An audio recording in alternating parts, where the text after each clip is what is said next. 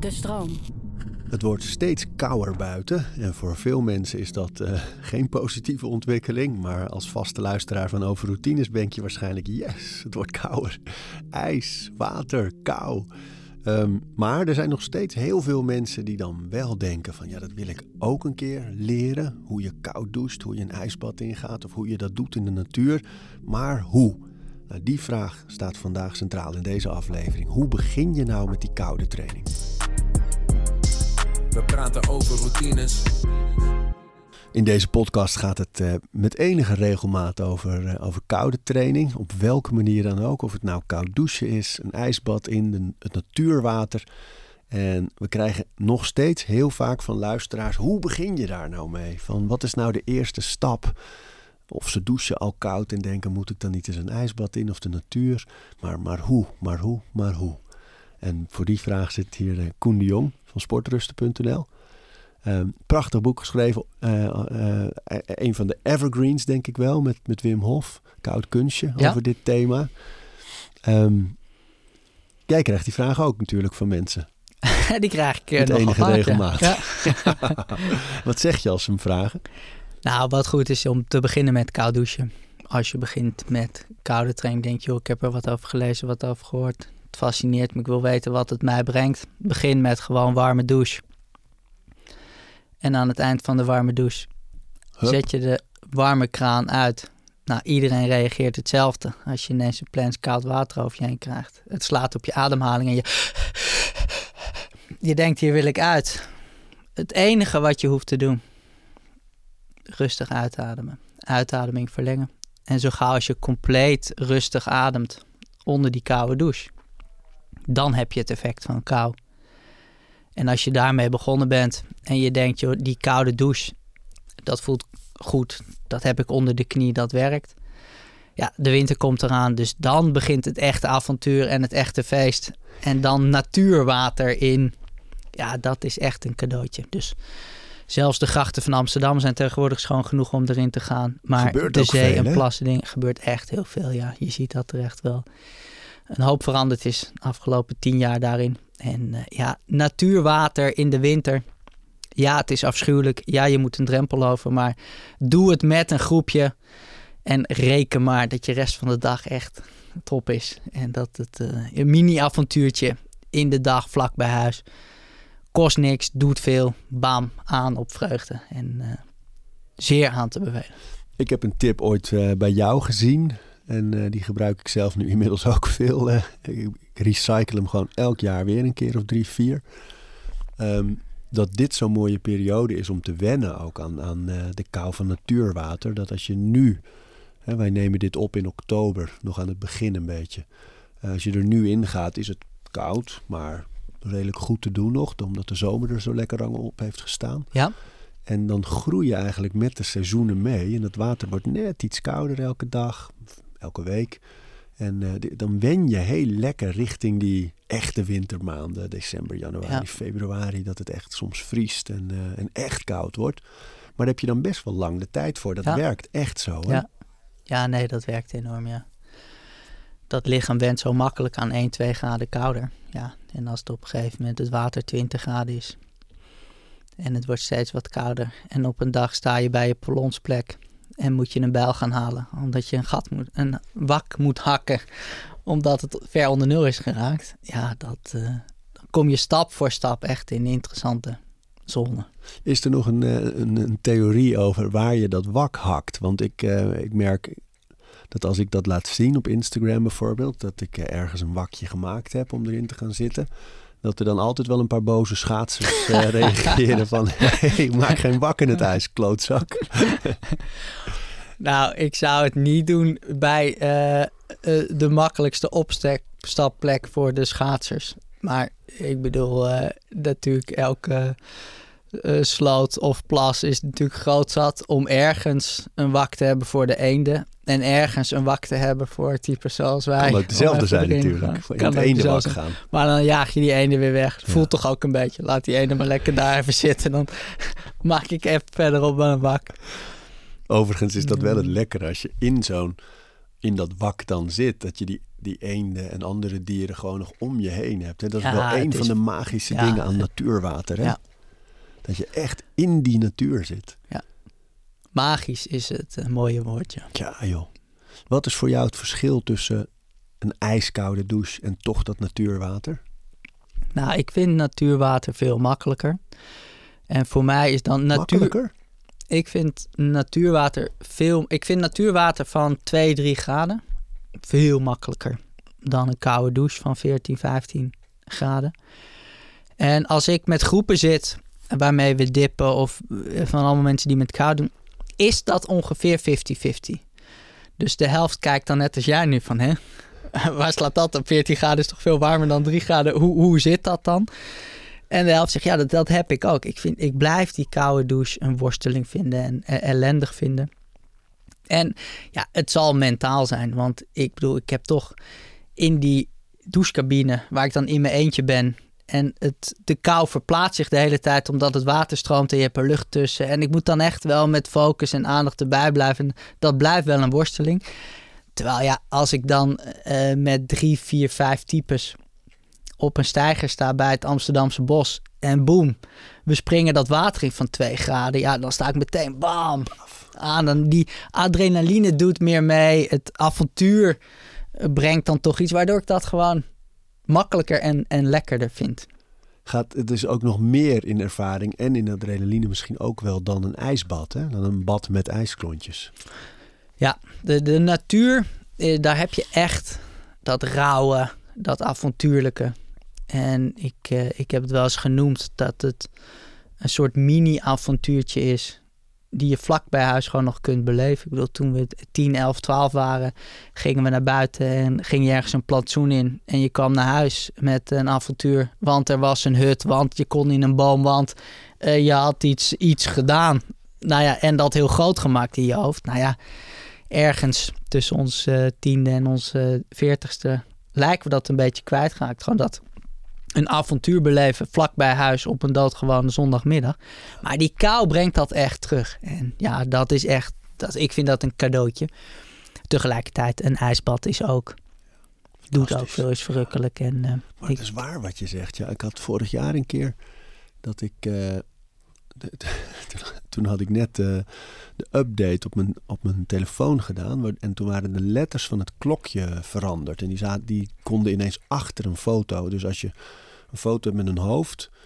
ehm, dan, dan stond de tijd er een beetje achter. Dus ik, ik had het verkeerd gezien. Ik was in de gym gewoon en ik had lekker veel tijd om te trainen. Maar ik zag toch ineens, oei, het is één uur nog iets. Ik moet de kinderen gaan halen. Dus hard fietsen eh, naar Apkoude. En, en op een gegeven moment, ik bel al de school, want ik ging het niet halen. Van, eh, joh, ik, ik, eh, ik, ik red het niet op tijd. Eh, kunnen jullie eens even in de gaten houden? En toen zei je weet dat je nog een uur hebt, hè? En toen dacht ik, oh nee, er stond der- 12 in plaats van 13. En eh, toen had ik heel veel tijd over. Maar ik was al in Apkoude. Dus toen ben ik bij het Apkoudermeer ben ik gegaan. Heb ik met mijn, eh, met mijn boots heb ik een, een, een wakje, eh, zo keurig aan het randje, gemaakt. En, en toen kwamen twee andere mensen, die waren op zoek, maar die hadden ook geen wak. En toen zijn we met z'n drieën daar dat water in gegaan. Gewoon op een verloren moment. Ik had mijn sporttas bij me, want ik was in de gym geweest. Ja. Dus ik had een handdoek en ik had een, een korte broek. En de voldoening en precies dat avontuurlijke gevoel van daarna, dat een soort cadeau ineens Ja. op de dag kwam. Echt het avontuur van in het water, afdrogen, weer kleren aan en tijd hebben. Die ontmoeting met anderen. Dus er was zoveel magisch aan dat Ja. moment. Nog even buiten de, de, ja, de sensaties die met het lichaam gebeuren op zo'n moment. was echt fantastisch. Echt een avontuur. Ja, dat is mooi, eh, mooi omschreven. Wat gebeurt er nou eigenlijk als we dit doen? Gewoon als je het wetenschappelijk benadert. Nou, echt wetenschappelijk, dat, dat blijkt toch altijd lastig. Dus er, er wordt natuurlijk veel onderzoek gedaan. Maar je ziet toch vaak dat onderzoeken elkaar dan ook weer tegenspreken. En dat blijkt wel een, een hels karwei om dit echt wetenschappelijk dicht te spijkeren en te onderzoeken. En toen was, volgens mij zei Plato het al veel. Eh, wetenschappelijk onderzoek is onzin, want als je iets weet, hoef je het niet te onderzoeken, want dan weet je het. En als je het niet weet, dan heeft onderzoeken geen zin, want dan weet je niet eh, waarnaar je zoekt. Dus Wetenschappelijk onderzoek is onzin. En ik wil het niet belachelijk maken, want er is veel onderzoek wat echt betekenisvol is en belangrijk is. Maar ik wil niet dat ik nu dingen zeg over bruin vet. Over pH-waarden, over IL-6, IL-10, NF-kappa-B, over wat er in dat lijf allemaal gebeurt. Wat interessant is, wat onderzocht is, wat veel doet. Dat ineens op intellectueel niveau daar dat je in een spagaat komt van hé, hey, het klopt niet helemaal of er is onderzoek wat dat tegenspreekt. Dus voordat we daar iets over zeggen, is het wel gewoon een aanmoediging om N is één. De wetenschap gruwelt ervan. Maar als jij die ene bent, is het voor jouw leven nogal van belang. Dus op het moment dat je er zelf mee aan de gang gaat, dan voel je heel veel. Vanuit het onderzoek, vanuit Radboud UMC, is er veel onderzoek gedaan het lijkt veel te doen met ontstekingswaarden.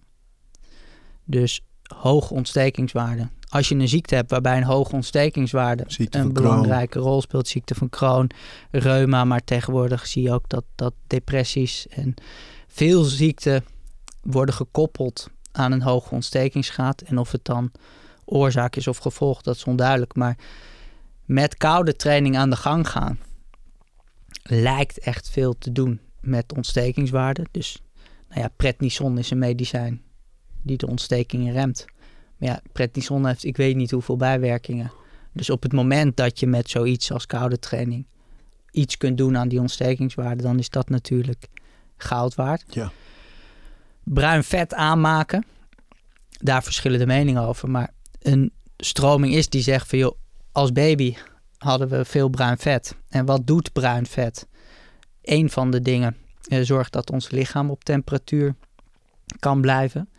Nou, ergens in ons leven zijn we verslaafd geraakt aan 20 graden of warmer. Want in de winter doen we thuis de verwarming aan. In de auto doen we de verwarming aan. In de supermarkt staat de verwarming aan.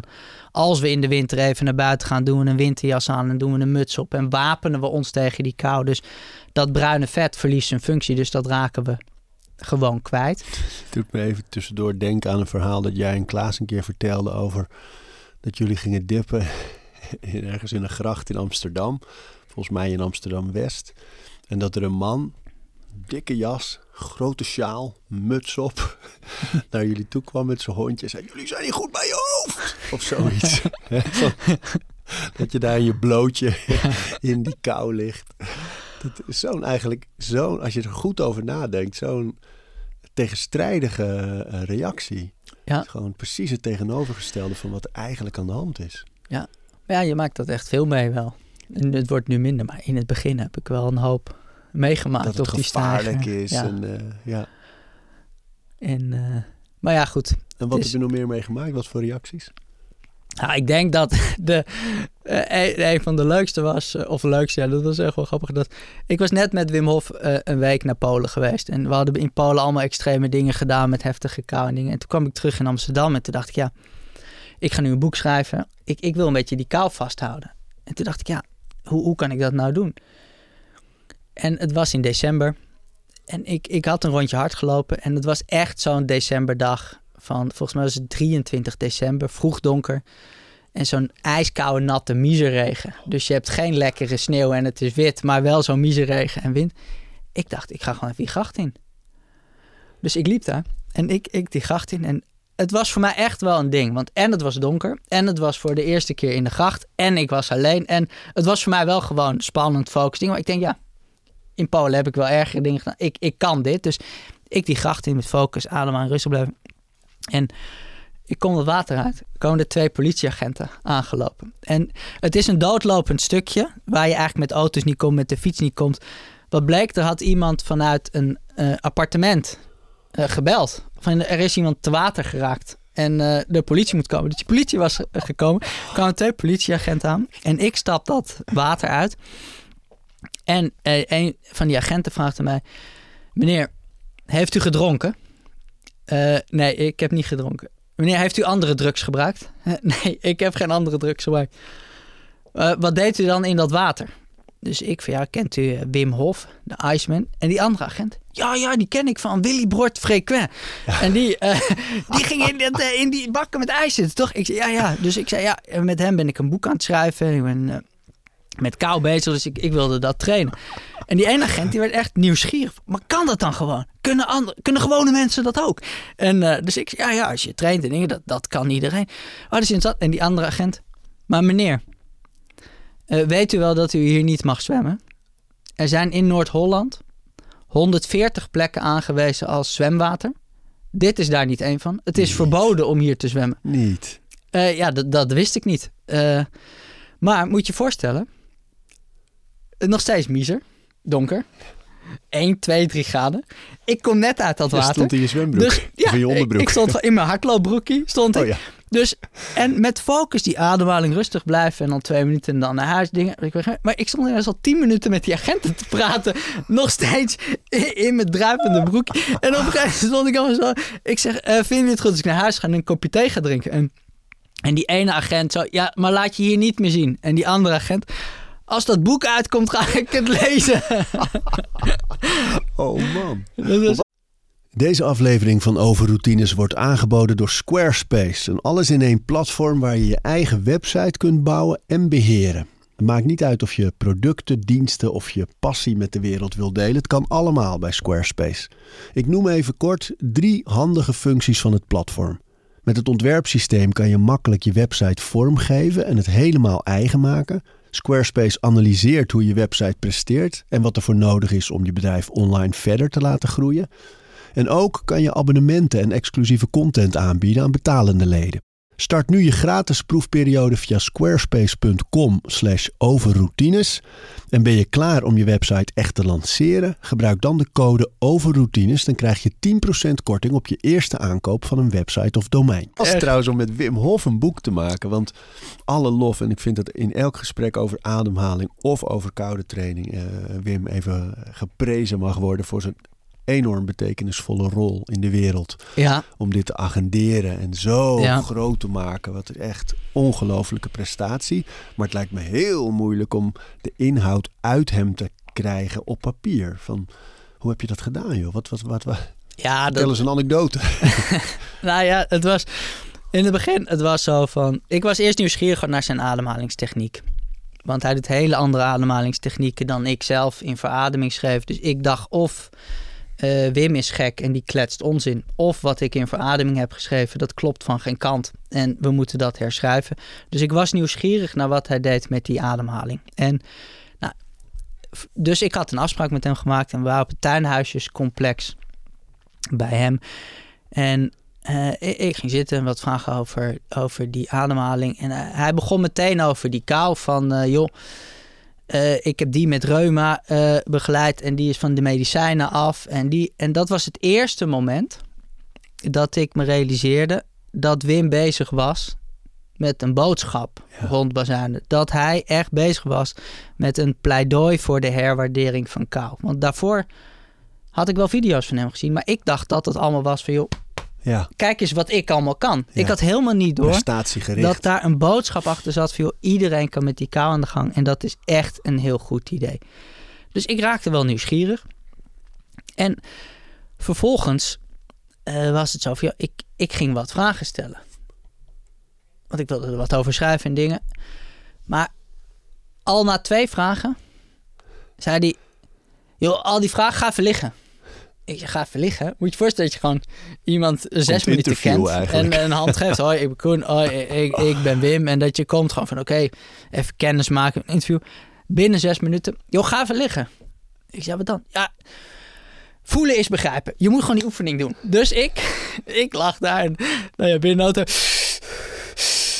Dieper, dieper. Om naar boven te schreeuwen. En, nou ja, en toen merkte ik meteen van...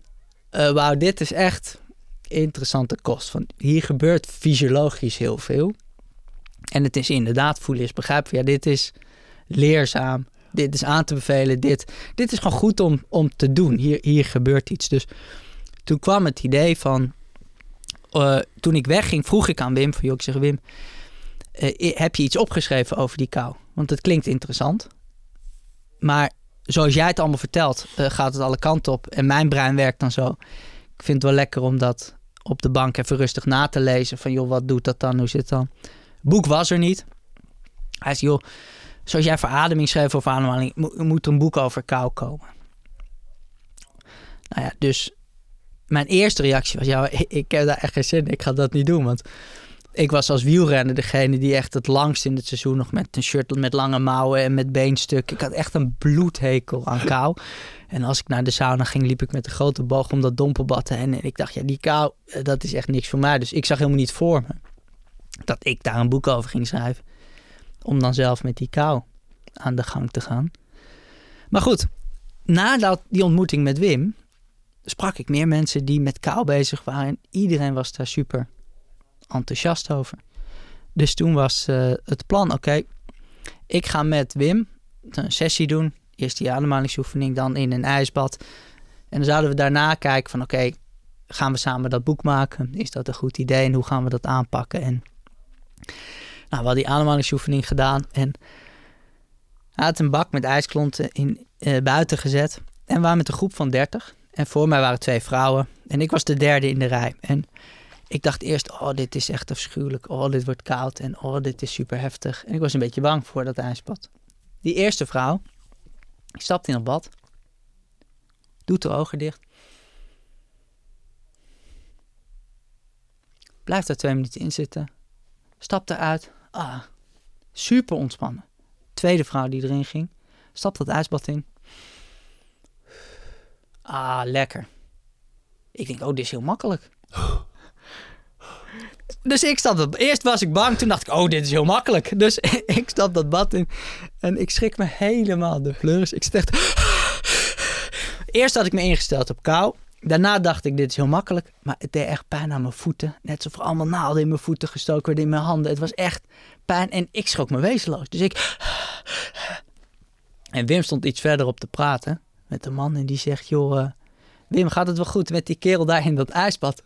Dus Wim komt zo naast me staan en ik... En Wim komt zo naast me staan. Ben jij nou die man die dat boek over ademhaling geschreven heeft? Wat zit jij nou te doen, man? dus ik... Maar het, het, lukte me niet die eerste keer. En toen ik eruit en de tweede keer nog een keer, toen lukte het me om te ontspannen. Toen merkt hij ook via op het moment dat je compleet ontspannen bent en rustig ademt, dan verandert het. Maar het kan echt wel heftig zijn. Dus wij daarna, oké, ik dacht, dit is interessante kost, dit is een kracht waar we iets mee kunnen, iets mee moeten. Dus leek mij mooi om dat boek te schrijven, leek me feest om met Wim op te trekken en, en dat te doen. Maar toen had zijn zoon al gezegd, je hebt het al gemerkt, maar met een notitieblokje en een pen naar hem toe gaan en vragen stellen, uh, dat heeft geen zin. Je moet gewoon een week mee naar Polen.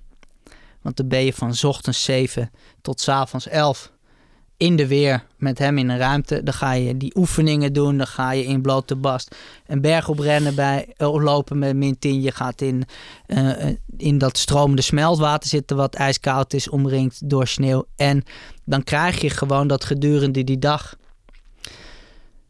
steekt hij ineens een vuur aan, pakt hij zijn gitaar en gaat hij wat vertellen over wat er dan opkomt. En in zo'n week, waarbij je dan gewoon 24 uur per dag met elkaar op zit, ja, dan komt alle kennis, alle verhalen, alle achtergronden die je nodig hebt. Voor het boek kan wel, maar niet op het moment dat je het verwacht of dat jij er naar vraagt, maar dan komt het wel. En toen heb ik inderdaad zo op basis van die week en die ervaring en wat lezingen gezegd, oké dan. Het boek hoeft niet zo ingewikkeld te zijn en alle kanten op te gaan. Adem, mindset, kou. En hoe begin je daarmee? En dat is veel breder dan wat Wim doet. Want ja, Wim doet ook veel met opdruk en al die yoga poses en dingen. En het gaat alle kanten op. En het is allemaal interessant en leuk. En vanuit dat lijf. En je kan veel. Teruggebracht naar de basis eigenlijk. Internationale bestseller ook destijds. Ja. En nog steeds denk ik dat het uh, lekker doorvliegt. Ja, dat loopt gewoon door. Ja, ja mooi man. Ja. Even over die ademhaling, want dat is natuurlijk ook een vraag die veel mensen dan stellen als ze gaan beginnen met of het nou koud douchen is, natuurwater of echt het ijs in. Um, moet je ademen voordat je dat doet? Nee, nee, hè? Nee, het enige wat moet, nou ja, moet, het groot woord, wat, wanneer het werkt, is dat op het moment dat je in die kou gaat, slaat het op je ademhaling. Je gaat dieper ademen, je gaat sneller ademhaling. Je kan pijn voelen, je kan paniek voelen. Er komt iets los. Het enige wat je hoeft te doen, uitademing verlengen. Ademhaling onder controle. Rustig ademen. En zo gauw als jij rustig ademt in die oncomfortabele situatie, ja, dat is echt onwijs krachtig. Maar dat is het enige. En zittend in een warme ruimte vooraf, eh, lijkt dat een makkelijke instructie en lijkt dat van joh, maar eh, dit kan toch niet genoeg zijn. Ik ga iets heel heftigs doen. Eh, ik moet meer handvaten hebben, ik moet meer weten. Nee, rustig ademen in die kou. That's it. En ik zie jou en mijn broer Klaas ehm, altijd met die, bijna alsof jullie door een rietje blazen. Zo heel rustig blijven als je er ook instapt.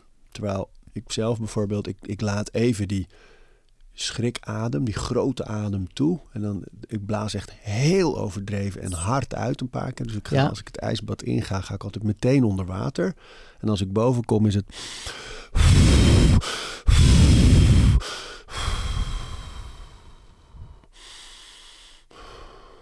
En dan is die rustig. Wel, Ja. wel heel snel, maar ik laat hem wel even toe. En ik merk dat jullie, eh, jullie blijven eigenlijk kalm. Je stapt er heel kalm in. Er gebeurt qua ademhaling niet zoveel in schrikreactie Nee. meer. Is dat puur ervaring of is dat een techniek? Ik denk dat het een techniek is en wat je voorkeur heeft. Maar of je nou in het begin zegt, joh, ik doe drie, vier, vijf keer heel krachtig en heftig. En daarna breng ik hem tot rust. Dan ben je wel met je aandacht helemaal bij die ademhaling. ja, ja. En als het dan enorm helpt om dat in het begin even met kracht te doen, ja, dat is prima. Mij helpt het om zo rustig mogelijk te blijven en daar meteen de rust in te bewaren en de rust in te houden. Ik merk ook dat het wel eens, eh, als ik het in een groep doe, eh, met name als er vrienden bij zijn die het voor het eerst doen, dat ik daar dan heel erg mee bezig ben en zelf wat ongeconcentreerd het ijs instap, dat ik ook echt nog wel eens verrast raak Ja. erdoor. Dat ik toch die even heb en, eh, en denk, wow, oh ja. Ja, het is een bijna elke kracht dag waar je doe, echt respect voor moet houden. Ja, ja, ja. Want het is niet dat je zomaar even doet, nee. Nee, Behalve die twee vrouwen die voor mij waren met die instructeursopleiding bleken te- bezig bleken te zijn. En daar echt, echt zo rustig. Maar dat is me eigenlijk nooit gelukt om zo nee dat is zen toch... meteen te zijn. Maar jij doet dit, hoe vaak in de winter? Ehm, vier tot vijf dagen in de week. Dan twee tot drie minuten. Ik ben een beetje van die eh eh, Suzanne Soberg eh, onderzoeken gaan, Ja. gaan implementeren. Dat elf minuten per week. Verdeeld in vier sessies ongeveer. Ja. Drie tot vier sessies. Dus het komt neer op ongeveer twee, drie minuten per keer. Vier keer, drie tot vijf keer, laat ik het zo zeggen. En dan, dan blijf ik er dus twee tot drie minuten in zitten. Ehm, ja, dan het liefst aan het begin van de dag. Dus het liefst echt nog 's ochtends tussen de, het ontbijt voor de kinderen en het aankleden en naar school gaan, eh, naar school brengen eh, door. Zo heb ik mijn hele ochtend een beetje in blokjes verdeeld. Van eh, ik kom beneden en dan mediteren of, of ademhalen. Ja. Ehm, eh, brood uit de vriezer voor die, voor die lunchboxjes. Dan sneak ik naar buiten voor het bad. En als ik binnenkom, komt vaak de, de oudste komt al naar beneden. En die anderen druppelen daarna nog. En dan is het ontbijt en eh, het aankleden. En, en eh, dan op een gegeven moment naar school. Maar zo heb ik tussendoor die blokken heb ik de ruimte om dit te doen. En dan loop ik soms dus enigszins verkleumd nog, eh, nog even Ja. dat laatste half uur voordat ze naar school gaan eh, rond. En wat brengt het jou? Ehm, ik denk wel eens. Kijk, ik verdiep me wel veel in die wetenschap erachter. En ik, deel wat je net zegt. Hè, dat er zijn mooie onderzoeken, Radboud Universiteit, Suzanne Soberg. Er zijn mooie onderzoeken gedaan. Maar ik, merk dat die wetenschap zie ik als bijvangst. Het is mooi meegenomen. Ehm, voor mij is het vooral iets doen waar ik tegenop zie in de ochtend. En het, het, het comfort vinden in ongemak. Dus die twee dingen. Dat ik dan, dan loop ik naar buiten over dat erf. Met mijn blote voet in mijn crocs. Weet je, vaak wel dat die vochtige, Ja. vochtige kou al buiten. En binnen was het warm.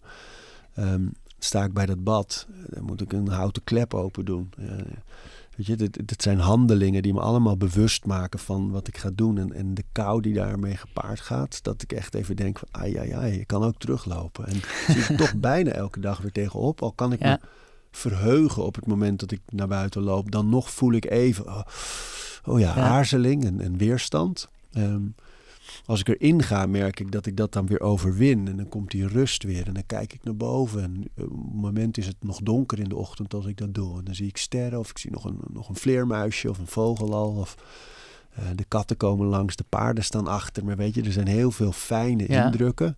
Ik kijk zo dat erf over, voel me dankbaar.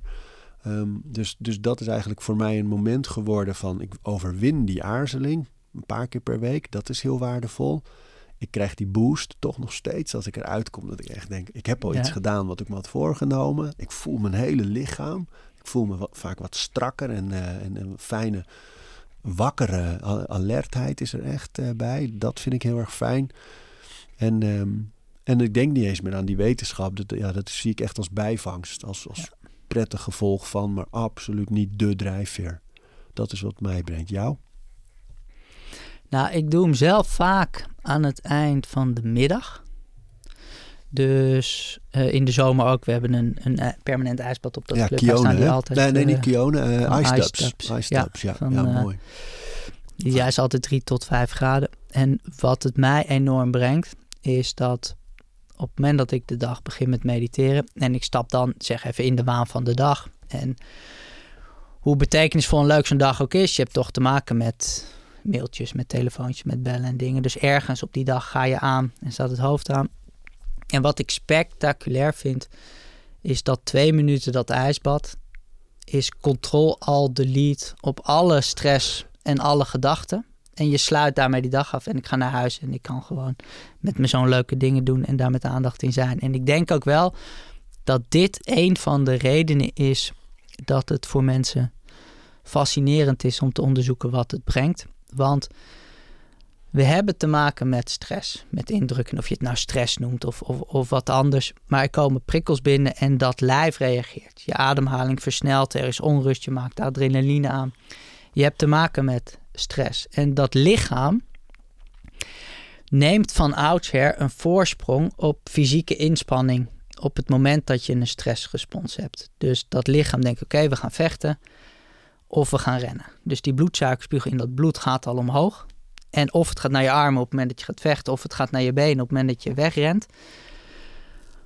Heel krachtig en slim systeem. Als die fysieke inspanning dan ook volgt. Want op het moment dat nu de boel hier in de fik vliegt, schieten we allebei in de stress. We rennen weg. Als we ver genoeg weg zijn, is het moment dat wij stoppen met de fysieke inspanning, is ook het moment dat de stressrespons voorbij is en we weer kunnen ontspannen. Maar dat gebeurt bijna nooit. Want de boel vliegt niet in de fik. Nee, we maken ons druk om die hypotheek, om een ziekte, om oorlogen, om NOS.nl. Dus de stressrespons gaat aan. Dat lichaam neemt een voorschot op een fysieke inspanning. En wat wij volgens blijven doen is blijven zitten. En het is niet een korte stressrespons van 10 minuten waarna de kust veilig is. Nee, het is een stressrespons die een hele dag kan duren. Een hele week kan duren, een hele maand kan duren. Waar we maandenlang druk mee zijn. Dus dat lijf begrijpt het op een gegeven moment niet meer. Nou, dat ijsbad is zo'n fantastisch instrument. Want wat je doet, is je brengt je lijf in een levensbedreigende situatie. Echt. En natuurlijk niet serieus dat het levensbedreigend is. Anders zouden we niet enthousiast praten en mensen aanmoedigen om het te doen. Maar dat weet dat lichaam niet. Want koud water van 3 graden aan zich is levensbedreigend. Als jij 200 kilometer uit de kust uit een bootje valt in dat koud water, reken maar dat dat levensbedreigend is. Want op het moment dat je er drie kwartier tot een uur in blijft zitten, dan is het levensbedreigend. Dus jouw lijf weet niet, ah, ik stap straks weer uit dit water. Ik ben nog gezond. Ik kan gewoon eh, naar een warm plekje met een handdoek en een warm kopje thee. Dat lijf reageert op die temperatuur. Dit is geen goed idee. Levensbedreigend weg hier. Op het moment dat jij dan compleet rustig ademt, nou dan doe je iets zo ongelooflijk krachtigs. Namelijk in plaats van dat die stressrespons aangaat, terwijl er fysiek niks aan de hand is, ga je fysiek jezelf in zo'n oncomfortabele, stressvolle situatie brengen en blijf je compleet ontspannen. Nou ja, en wat heb je hier dan aan? Nou, ik merkte het zelf met een heel stom voorbeeld. Dat ik dacht, volgens mij komt dat bij die kou vandaan. Was ik had op een gegeven moment een klant. En we hadden uh, boeken geleverd en online programma's geleverd. En uh, die moest uh, 4000 euro nog betalen. Maar die betaalde niet. Dus de boekhouder zegt tegen mij van... joh, betaalt die kerel zijn factuur nog of niet? Nou, dat zijn echt telefoontjes waar ik geen zin in heb. normaal gesproken zou ik, als ik zo iemand moet bellen, denk oké, ik ga eerst drie mensen terugbellen die ik wel leuk vind. Dan ga ik een kopje koffie zetten. Dan ga ik even mijn mails beantwoorden. Dan ga ik een rondje hardlopen. Dan schrijf ik een blogje. En dan kijk ik op mijn klok en zie ik dat het kwart over vijf is. Ik bel morgen wel. En nu merkte ik gewoon dat het eerste wat ik deed was: oké, bellen. Dus ik pakte op, ik bel. Ik denk, hé, hey, normaal gesproken was ik niet zo van: oké, als iets heel vervelend of irritant is, boem, doen. Ik denk, hoe komt dat? Ik denk, ja, dat, ik heb mijn lijf en daarop getraind met die kou. Je weet dat op het moment dat je dat discomfort gewoon meteen beetpakt en je blijft er rustig bij. A, het is nooit zo oncomfortabel of vervelend als je hoofd het kan maken. B, als het achter de rug is, is het ineens maar vijf minuten ergernis. In plaats van dat, dat het een hele, dag, is en dan uh, de volgende dag weer. Nou ja, en dit zijn wel twee effecten van kou. Wetenschappelijk niet uh, hard te maken, niet te onderzoeken dingen. Maar wat zo ongelooflijk krachtig en prettig is om te ervaren. Ik denk, ja, dat. En dan vind ik het lekker. Weet je, heel lang antwoord op je vraag. Maar om hem aan het eind van de middag ja, uh, te doen tussen, uh, zeg maar, de werkdag en aanstaan en naar huis gaan. En... Echt een afsluitmoment. Ja. ja. Ja, mooi ook zeg. En op de vraag die je vast ook wel eens krijgt, dat mensen zeggen: ja, is het niet gevaarlijk, hartaanval of uh, kan er niet van alles gebeuren? Wat zeg je daar altijd op? Nou, epilepsie is een rode vlag. Een zwangerschap uh, wordt afgeraden. En verder kun je het gewoon doen. Op het moment dat je bekend bent met de ziekte van Raynaud, oh ja. dat die handen zo wit blijven, dan is het in de gaten houden. Als je op een gegeven moment ziet dat je voeten en handen steeds korter wit blijven, dan komt de doorbloeding op gang en is het een goed teken. Ga dan door. Op het moment dat je vingers en voeten steeds langer wit blijven, is dat ook een rode vlag.